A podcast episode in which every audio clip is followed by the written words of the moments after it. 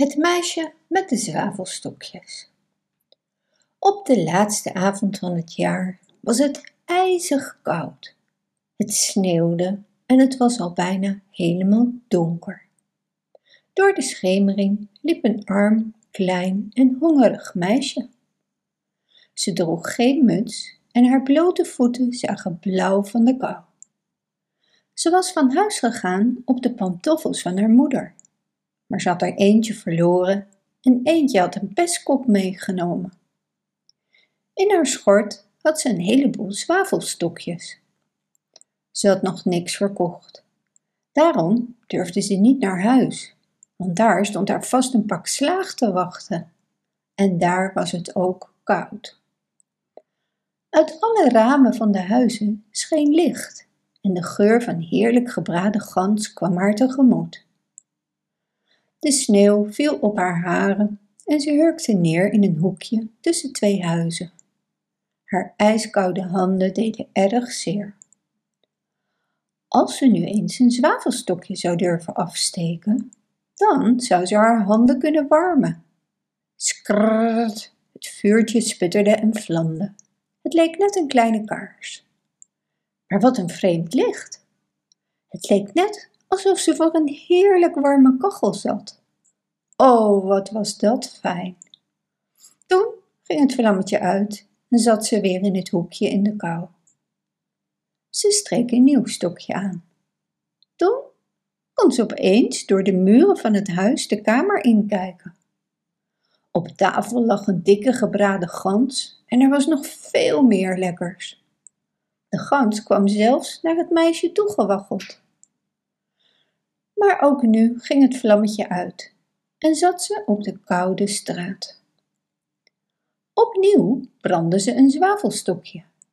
En nu zat ze plotseling onder een prachtige kerstboom met kleurige ballen en wel duizend kaarsjes. Toen ze haar handen uitstak naar de kaarsjes, ging het stokje uit. De duizend kaarsjes stegen op en veranderden in heldere sterren. Een van de sterren begon te vallen en trok een lichtspoor langs de hemel. Ze dacht: als er een ster valt, dan gaat er iemand dood. Dat had ze geleerd van haar grootmoeder. Ze stak weer een stokje aan. Opnieuw was er een vreemd licht. Daar zag ze plotseling haar grootmoeder, schitterend en stralend en met een lieve blik in haar ogen. Grootmoeder, neem me alsjeblieft mee, riep het meisje. Als het vlammetje uitgaat, dan bent u weer weg, net als de gans, de kachel en de kerstboom. Snel stak ze alle zwavelstokjes aan, want ze wilde dat haar grootmoeder bleef. Het licht was nog helderder dan daglicht. Nog nooit was grootmoeder zo mooi geweest.